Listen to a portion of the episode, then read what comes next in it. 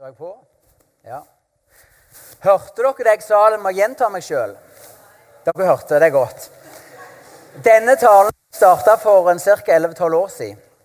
Jeg var student i Stavanger på Misjonshøgskolen. Jeg tok og pendla med tog en periode. Og En kveld så ble jeg sittende på sida av to mennesker fra Iran. Eh, Vi kom i snakk, og det viste seg, og de fortalte at de var kristne.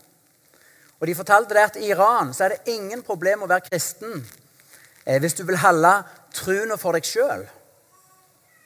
Men hvis du vil gå ut og gjøre de tinga Jesus ber deg om å gjøre Ja, hvis du vil ha Jesus som herre, sa de, da får du store problem i Iran. Og Så sa de en ting til som var deres oppfatning og observasjon. De sa mennesker i Norge kjenner ikke lenger Jesus som herre. Og vi vil be for deg at du skal bli en misjonær til ditt eget folk. At du skal fortelle ditt folk at Jesus er herre. Jeg gikk av på Bryne. De fortsetter videre sørover. Jeg tenkte ikke noe mer på denne samtalen. Men etter fem-seks år så begynte noen bibeltekster som handler om at Jesus er herre, å leve inni meg. Og det ble et brennende budskap om at Jesus er herre.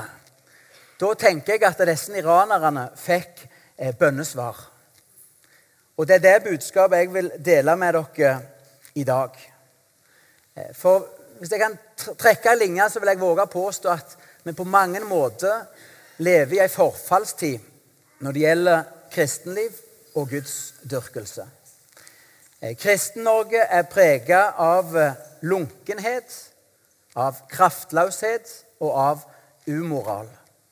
Eh, Og På så mange områder så er grensene imellom Guds folk og verden viska ut. Vi bærer kristennavnet, men på så mange områder lever vi og tenker vi liksom verden. Er det sånn Gud vil ha det? Nei. Gud sier at dere skal være hellige fordi jeg er hellige. Samtidig med dette så lengter mange av oss etter mer av Gud, mer kraft og mer liv i våre menigheter og våre kristenliv. Men det kan virke som om himmelen er litt stengt for tida. Har Gud forandra seg? Vil ikke Gud lenger kle sitt folk i kraft? Gjøre oss til lys og salt for verden? Jo, Gud vil, og Gud kan. Og Bibelen sier at Gud er i går og i dag, ja, til evig tid den samme. Så hvis vi som kristenfolk erfarer en manglende innflytelse på verden rundt oss, så skyldes det ikke det en forandring i Gud. Gud vil, og Gud kan. Men hvorfor heller han noe tilbake? Det er det jeg vil tale til dere om i dag. Det jeg tror er årsaken til at det så ofte er så mye oss og så lite Gud i våre liv og i våre menigheter. Og Det første spørsmålet vi skal stille oss, det er som iranerne reiste. Kjenner du Jesus som Herre? Jesus sier i Lukas 6, 46, 'Hvorfor kaller dere meg Herre, Herre, og gjør ikke det jeg sier?' Det spørsmålet Jesus stiller deg i dag, det er ikke et teoretisk spørsmål. Om du tenker at han er universets herre, verdens herre. Men får han lov til å være herre i ditt liv? Får han lov til å være sjef i ditt liv? Gjør vi etter hans ord? Det er det han spør etter. Sølve, er du villig til å innrette ditt liv etter det jeg har sagt? Er du villig til å bøye deg inn under mitt ord, der dine meninger, erfaringer og ønsker går en annen vei? For hvis vi som kristne bekjenner at Jesus er Herre, da stiller vi oss sjøl i en posisjon av å være Hans tjenere. Og da er vår oppgave å gjøre Hans vilje. Gjør det Han befaler oss. Dere vet fortsettelsen på det, denne historien som Jesus startet i Lukas 6, 46. Den skal vi lese nå. Hvorfor kaller dere meg Herre, Herre, og gjør ikke det jeg sier? Den som kommer til meg og hører mine ord og gjør etter dem, hvem han ligner, skal jeg fortelle dere. Han er lik en mann som bygde et hus, og som gravde dypt og la grunnmuren på fjell. Da flommen kom, brøt elven mot huset, men kunne ikke rokke det, fordi det var godt bygd. Men den som hører og ingenting gjør, han ligner en mann som la huset på bare bakken, uten grunnmur. Da elven brøt mot huset, falt det med en gang, og hele huset styrtet sammen. Jesus stiller her opp to forskjellige måter å leve disippellivet på, kristenlivet på. Begge disse disiplene gikk ganske sikkert regelmessig på møte. De hørte Jesus sine ord. De sto sammen i trosbekjennelse og bekjente at han er Herre, kalte han Herre. De ba sine bønner, og de sang sine sanger med høye eller lave hender. Det var så utrolig mye som var likt. Og Hadde du bare sett et blikk på disse to mennene under et møte, så hadde du tenkt ja, de er jo samme ull, og de er like. Så sier Jesus at det er en grunnleggende forskjell på disse to. En er klok, en er uklok.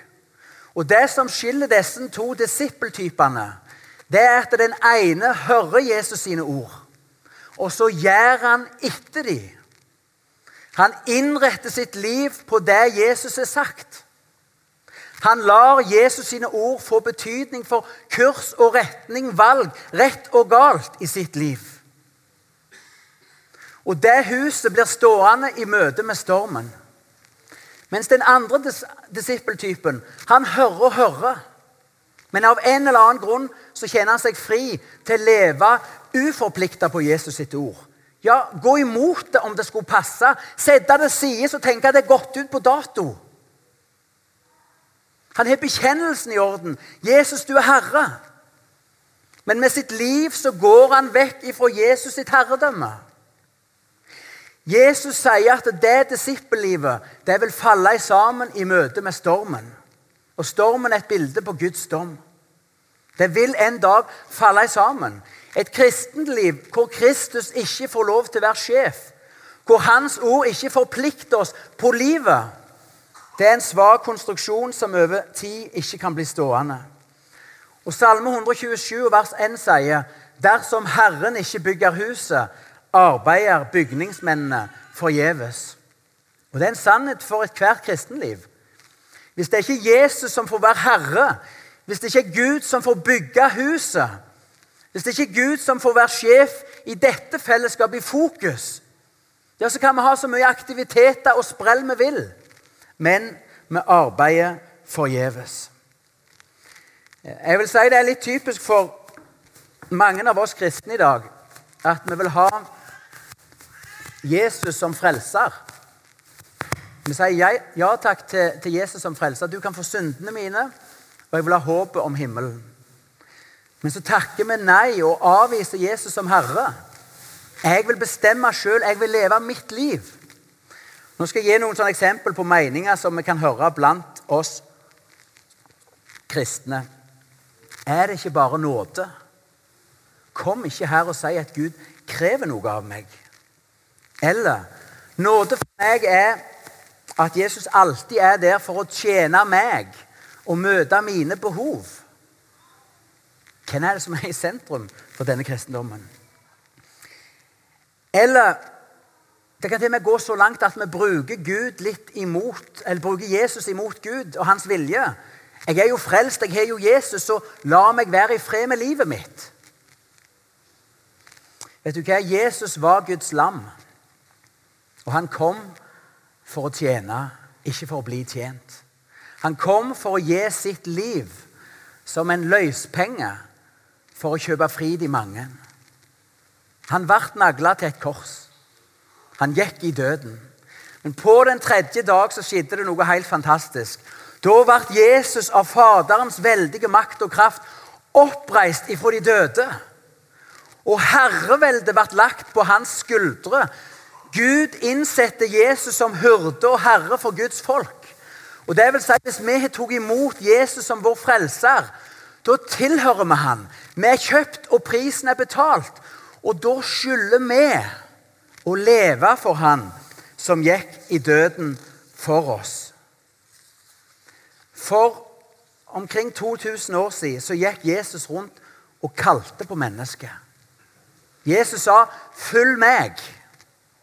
Det var ikke sånn at han kom bort til Peter, Jakob og Johannes og sa 'Peter, vær så snill, men ta meg med i livet ditt.' 'Jeg skal ikke kreve mye, jeg skal ikke mene mye, men ta meg med.'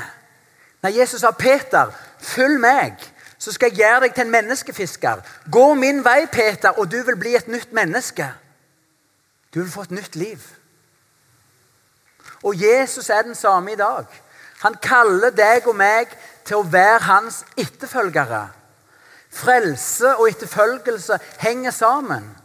Gud har aldri kalt oss til å være hyrdeløse sauer som springer litt småforvirra våre egne veier i påvente av himmelen.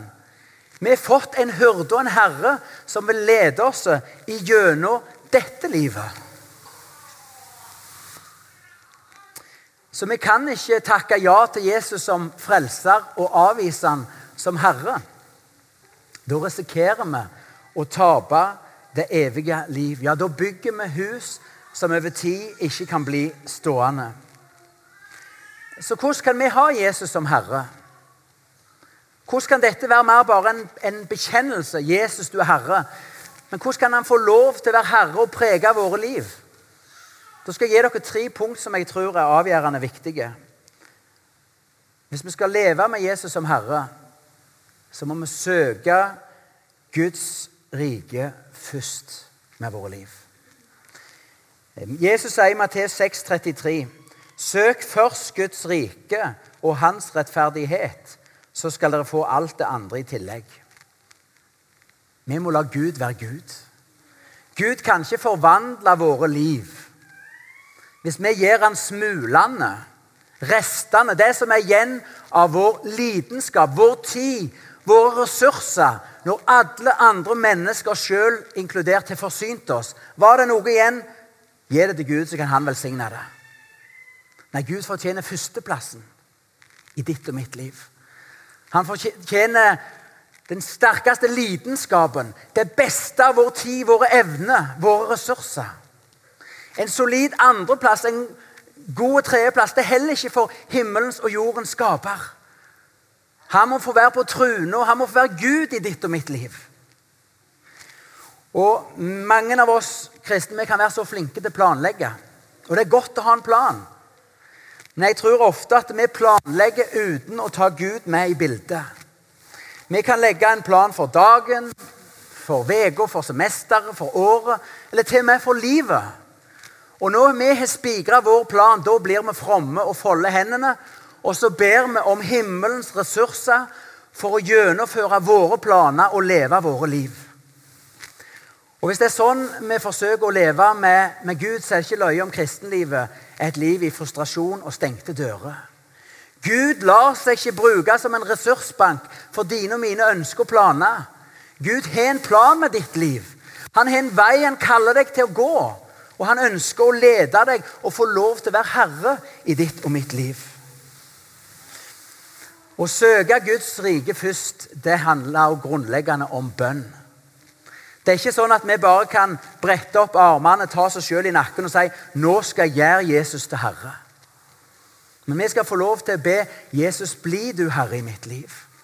Jesus, rens du mitt hjerte. Gi meg ei villige ånd. Ta vekk de tingene i mitt liv som står deg og din vilje imot. Bibelen sier 'be, så skal du få'. Men Bibelen sier òg 'dere har ikke fordi dere ikke ber'. Så vi skal få lov å folde hendene så skal vi få lov til å be Jesus, bli du herre i mitt liv. Jeg klarer ikke å få deg til sjøl, Jesus. Men bli du herre i mitt liv. Så Det er første punkt.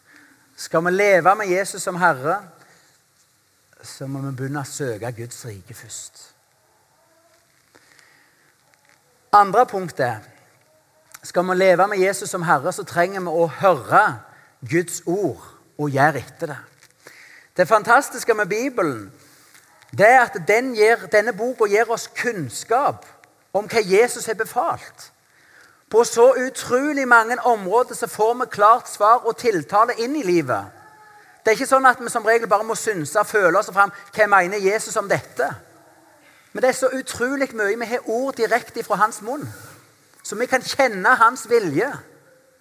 Og ikke bare gir Bibelen oss kunnskap om Guds vilje, men den gir oss også kraft til å leve etter hans gode vilje. Jesus sier i Matteus 4,4.: Mennesket lever ikke bare av brød, men av hvert ord som kommer fra Guds munn. Hva er det Jesus sier her?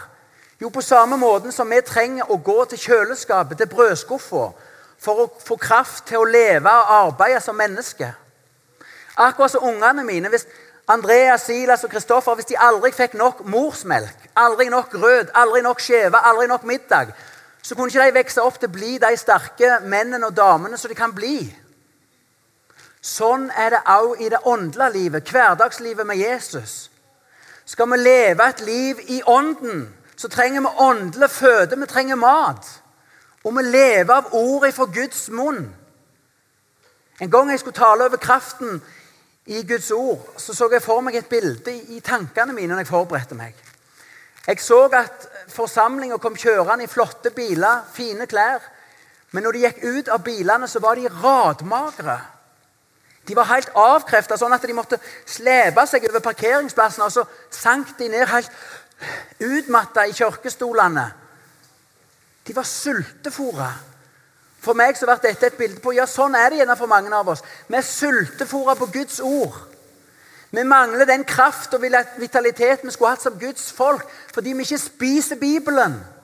Fordi vi ikke spiser ordet fra Guds munn. Og Samtidig med dette så kan vi bli desperate som kristne. Og der har jeg vært sjøl. For på mange måter så kan vi se at så mange går vekk ifra Jesus. At samfunnet og Norge som land blir avkristne. Og så kan vi bli litt sånn desperate. Vi må finne på noe. Vi må ha en ny strategi som funker.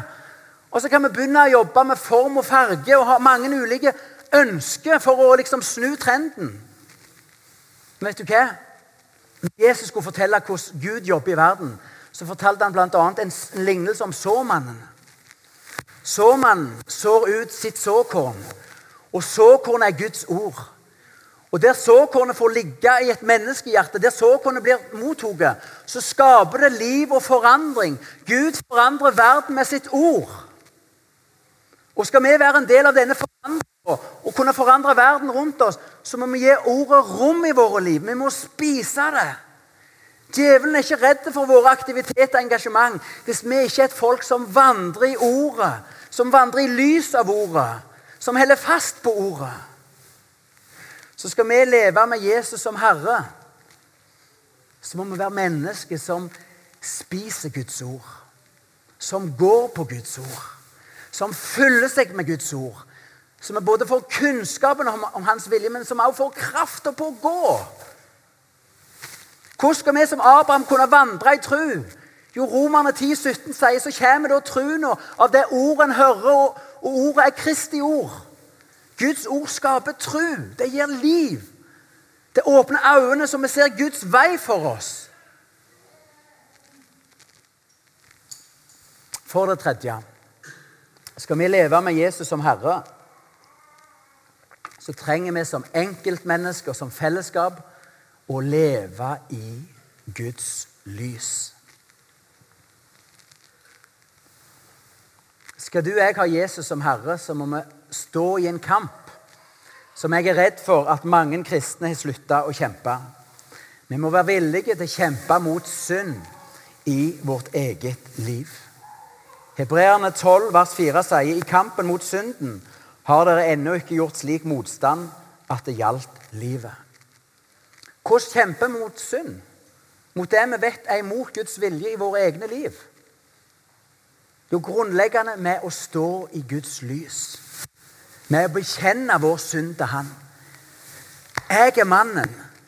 Det er jeg som er synda imot deg. Kan du tilgi meg? Seieren vinner vi i lyset. I passen for å bortforklare seg ja, men alle har vi noe, og dette er en familiesvakhet. og Sånn hadde farfar det òg, og sånn har det vært lenge. og han er helt. La oss bekjenne. Tilgi meg, Herre. Og så står det i Bibelen at dersom vi bekjenner våre synder, så er han trofast og rettferdig, så han, rens, så han renser oss for all urett. Seieren vinner vi i lyset. Jeg skal gi dere et lite bilde på dette. Når vi kjøpte gården oppe på Anda, så fulgte det med et gammelt heimehus. Og der var det, Hvis jeg telte med absolutt alle rom, ganger og soverom, alt, så var det 21 rom i det huset. Og det var mulig å ha åtte eller ni soverom, så jeg sa til Hege Vi var bare tre stykker i familien da. Her kan vi lø på og bli mange. Stort hus og mange muligheter. Og Det er jo fantastisk å ha mange tomme rom. For vi hadde rydda ut etter den forrige eieren, så rom etter rom sto tomt. Men så var det helt utrolig å se hvordan meg og Hege og Tiril, som var familien når vi flyttet inn, hvordan vi kunne rote det til. Hvis vi var litt bakpå ei uke eller fikk overraskelsesbesøk, så utrolig lett å bare samle litt rot og så hive det inn på et tomt rom. Og så er det skremmende hvordan du kan fylle et helt rom med rot. Det er mest så du må gnikke deg i øynene. Er dette mitt? Og Sånn kunne vi holdt på, meg og Hege. Vi kunne fulgt opp et rom. Vi kunne slått lyset, lukket døra og si at dette forholder vi oss ikke til. Og Så kunne vi flytte fra rom til rom, etasje til etasje. Og til slutt så kunne vi lagd en sånn livsløgn at det er fantastisk å leve livet på denne store yttergangen. For da er det så kort vei når vi skal ut på noe, og når folk skal inn, så er de rett inne. Så det er her vi lever. Vet du hva, Sånn kan det òg bli i ditt og mitt liv med Jesus. Hvis det er området der vi stenger Guds vilje ute, der Hans lys ikke får slippe inn, der Hans ord ikke får være rettesnor over livet, så blir det rom som samler på rot. Der synd får plass. Der det blir kaotisk. Og til slutt kan vi tenke nei, men dette her greiene, det har ingenting med kristenlivet å gjøre. Stenge det av, slukke lyset. Og så kan område etter område i ditt og mitt liv bli lagt i mørket. Og til slutt så er det sånn vi kan stå på denne store, flotte yttergangen. Og så står Jesus på utsida av glassdøra, så kan vi vifte med palmegreinene og si 'Jesus, du er kongen min, du er Herren min'. Men du kan ikke komme inn, for her er det bare rot. Og Hvis det er sånn vi lever med Jesus, er det ikke løye om det blir mye oss og lite han i våre kristenliv. Men det fantastiske med Jesus er at han trenger bare adgang. Han vet at du og vi klarer ikke å ordne opp i det rotet vi er stelt i stand. Så han trenger at vi sier, 'Jesus, kom inn'. 'Jesus, kan du tilgi meg dette?' Og så sier Bibelen at hvis Sønnen får gjort dere fri, så blir dere virkelig fri. Han kom for å sprenge lenker og sette fanger fri. Og Kanskje Jesus taler konkret til noen her nå om rom som er stengt. Der mørket har fått makt i ditt liv. Som har gjort deg ufri. Som har tatt gleden og frimodigheten i kristenlivet ifra deg. Og Hvis han taler konkret med deg nå, inviterer han inn. Jesus, kom inn. Det står i 1. Johannes brev, kapittel 1, vers 7. Dersom vi vandrer i lyset, vil Hans Sønns blod rense oss ifra all synd. Er ikke det et fantastisk vers? Hvis vi er villige som kristne til å stå i lyset, ikke være fullkomne og perfekte, men vandre i lyset, tale sant til Gud om våre liv, gi Han rett når vi er på kollisjonskurs med Hans vilje, så skjer det en kontinuerlig prosess. Mest som det skjer uten at vi er bevisst og klar over det sjøl. Men Hans Sønns blod renser oss på ny og på ny. Hvorfor? Jo, fordi vi lever i lyset. Så Jesus er Herre. Han er en herre som har en bestemt vilje for ditt og mitt liv. Men han er en uendelig god herre. Det er ingen som elsker deg sånn som Jesus. Det er ingen som kjenner deg sånn som Jesus. Og han har en plan med ditt liv. Jeg skal fortelle nå et lite vitnesbyrd som kanskje mange av dere har før, men om hvordan Gud forandra mye i livet til meg og Hege. Eh, når jeg var 21 år gammel, så fikk jeg en ny begynnelse med Jesus. Jeg hadde levd mange år der jeg hadde gått vekk ifra han, halta litt att og fram. Men jeg var 21 år gammel, så så jeg på et alfakurs og fikk høre undervisning fra Bibelen.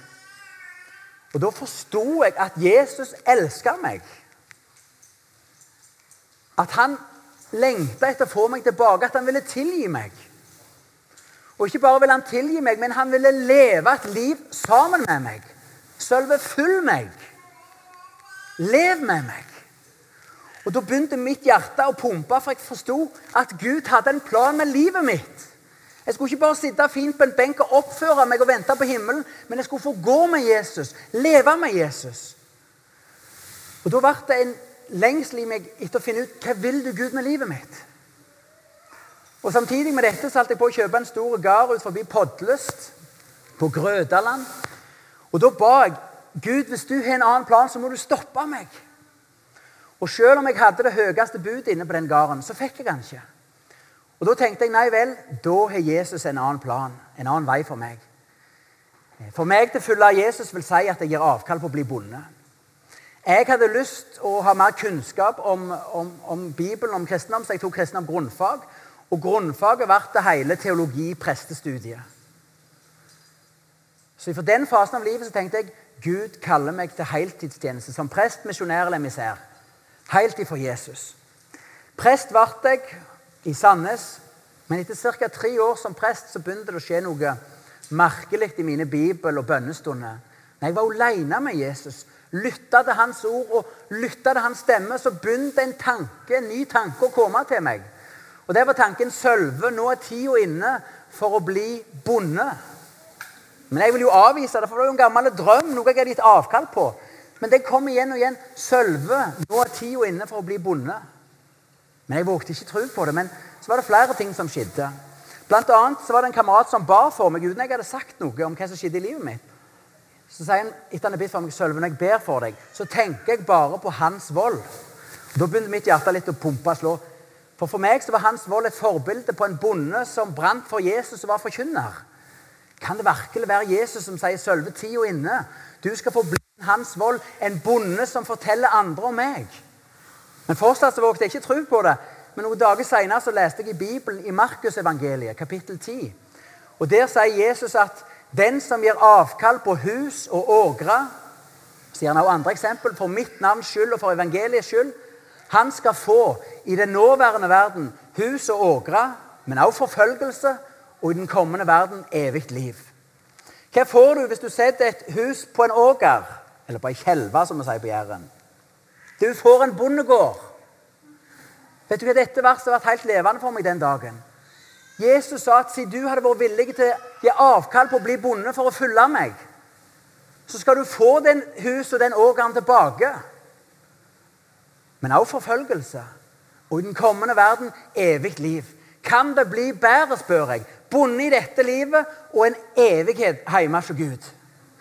Så da begynte jeg å tro ja, det er Jesus som sier 'Sølve, tida inne'. Du skal få lov til å bli en bonde som forteller andre om meg.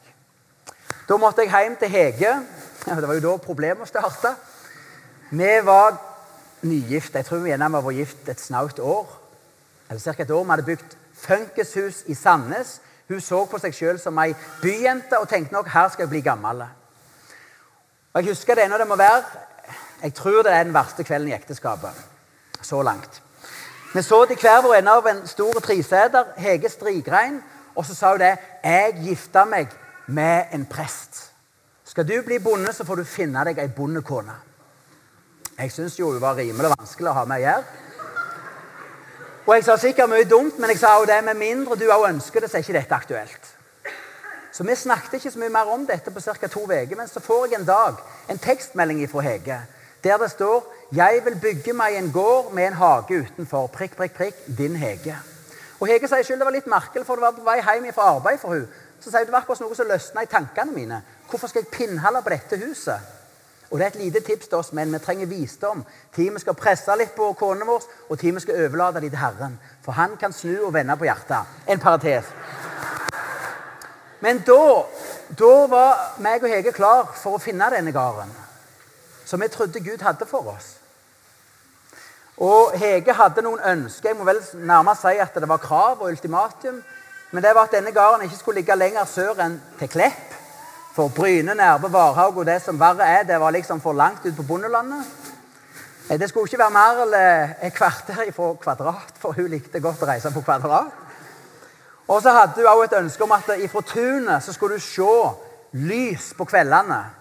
For at det ikke bare skulle være et mørkt hull hun kikket ut i på kvelden når det var mørkt. For det syntes hun var litt skremmende. Jeg hadde en gammel guttedrøm om at det skulle være på et høydedrag, så jeg kunne se tankbåtene i Nordsjøen, for det syns jeg er så kult. Når du ser den blå sjølinja, så liksom bare de store båtene som ligger der. Nok om det. Vi begynte å lete etter et gard som vi trodde Gud hadde for oss, på et høydedrag sentralt på Jæren. Jeg kan ikke forklare dette rasjonelt, men jeg ser i notatene mine at vi krysset ut område etter område. Og til slutt så var det høydedrag rundt Klepp som vi lette etter. Og En dag så dauer vi bilen i veikanten på Postveien ut forbi den gården der vi nå bor. Og så ber vi. Så ser vi på hverandre etterpå og så bare sier bare begge det er her. Det er her det skal være.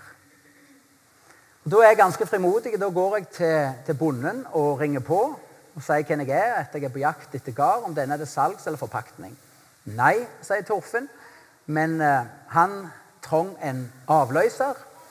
Er jeg greit, jeg kan godt bli avløseren din. Og så tenkte jeg at kanskje sånn som Jakob i Det gamle testament måtte være dreng en stund før det ordna seg, så måtte jeg òg være avløser. så skulle det gå seg til. Dette var i 2005, og den 13. mars, eller 15. mars 2005 så sa jeg opp jobben som prest. Oppsigelsestid var fram til 1. august. Folk spør meg ja, hva skal du nå. Nei, jeg skal bli bonde. Ja, hvor da henne? Nei, det kan jeg ikke si noe om, men vi tror at noe skal ordne seg. Så meg og Hege, For oss var det viktig at vi ikke prøve, skulle prøve å grave til oss denne gården. For hvis dette var Guds plan, så skulle han åpne en vei for oss. Og lede oss og gi oss denne gården. Så vi gjorde ikke annet enn vi takte og ba for at Gud ville lede oss, og at Gud ville gi oss denne gården. Eh, og en gang mens vi ber for dette, så får Hege et indre bilde. Akkurat som Bibelen sier at vi kan ha syne og bilde.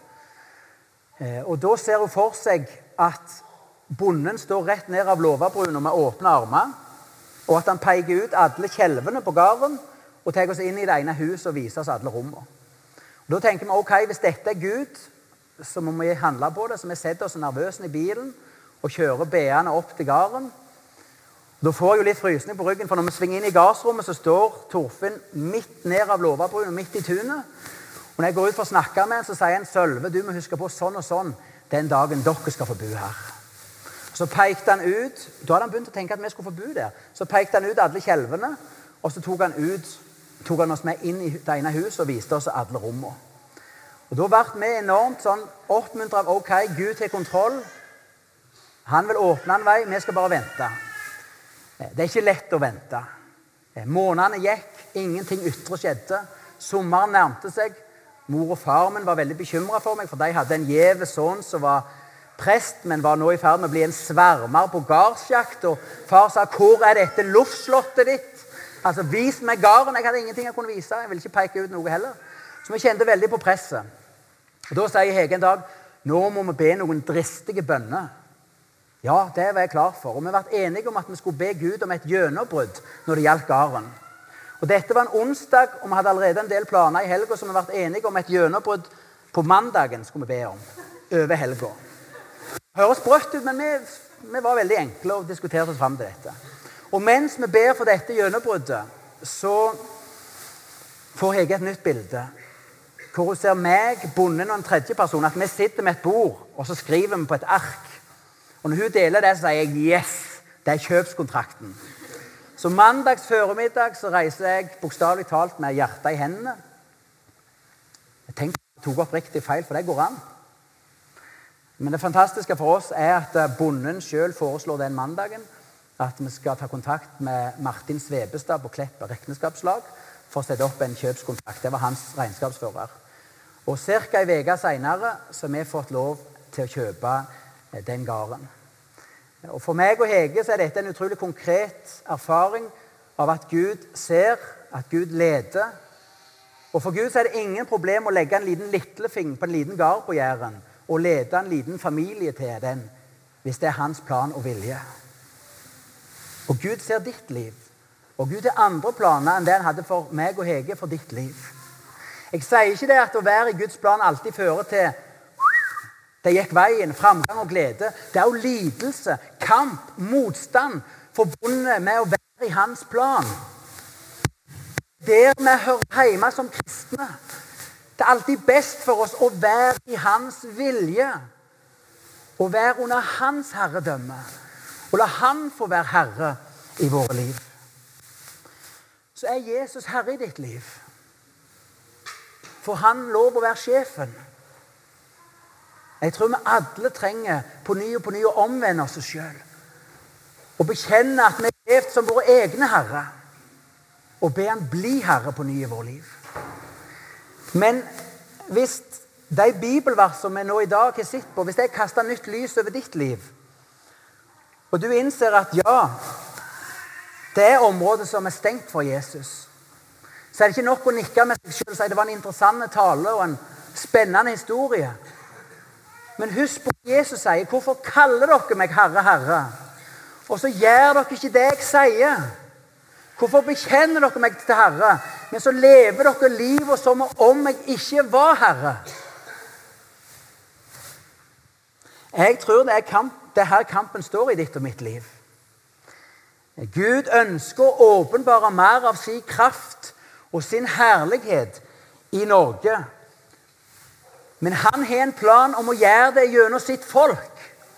Et folk som lever i Ordet, og som vandrer med Jesus som Herre. Vi trenger ikke mer, først og fremst mer kurs og konferanse kompetanse for å vandre i Guds kraft. Nei, Gud trenger mer av oss. Større plass i våre liv. Sånn at det kan bli mer av Han i våre kristenliv. Gud ønsker å rense sitt folk i Norge. Den rest som ennå lever i tro på Jesus. Og Det er den samme historien som Det gamle testament forteller igjen og igjen. Guds folk som var frelst, faller ifra, forkaster Guds bud og hans herredømme. De blir fanga av de valgene de har tatt. De kommer i nød. Og når de omvender seg og ber Gud om hjelp, så er han trofast og griper inn og frir og frelser og reiser på ny sitt folk og klær det i kraft. Gud vil, og Gud kan. Gud ønsker å åpenbare sin kraft, sin makt til å frelse. Han ønsker at vi skal være lys og salt på Klepp i Norge, i verden. Men han må få lov til å være herre i våre liv. Han må få lov til å være den som setter kurs og retning. La oss be. Kjære Jesus, takk at vi får lov til å bekjenne at du er Herre. Og Jeg ønsker å be for min egen del og for alle som er her inne. Jeg erkjenner Jesus at vi som kristenfolk på så mange områder på så mange måter har valgt å leve som våre egne herrer og gå våre egne veier. Jesus, du ser vi blir fanget av de valgene vi tok. Jeg ber deg, Jesus, at du for ditt navns skyld må vende våre hjerter tilbake igjen til deg. At du må fri og rense oss for det som binder oss til å leve liv som våre egne herrer. Så ber jeg her for oss på Fokus at du må reise oss til å være et folk som både bekjenner deg som Herre, men som også følger dine ord. Og lar ditt ord få prege våre liv og våre valg. Se i nåde til oss, og virk du din gode vilje i oss. Vi ber om det i Jesu navn. Amen.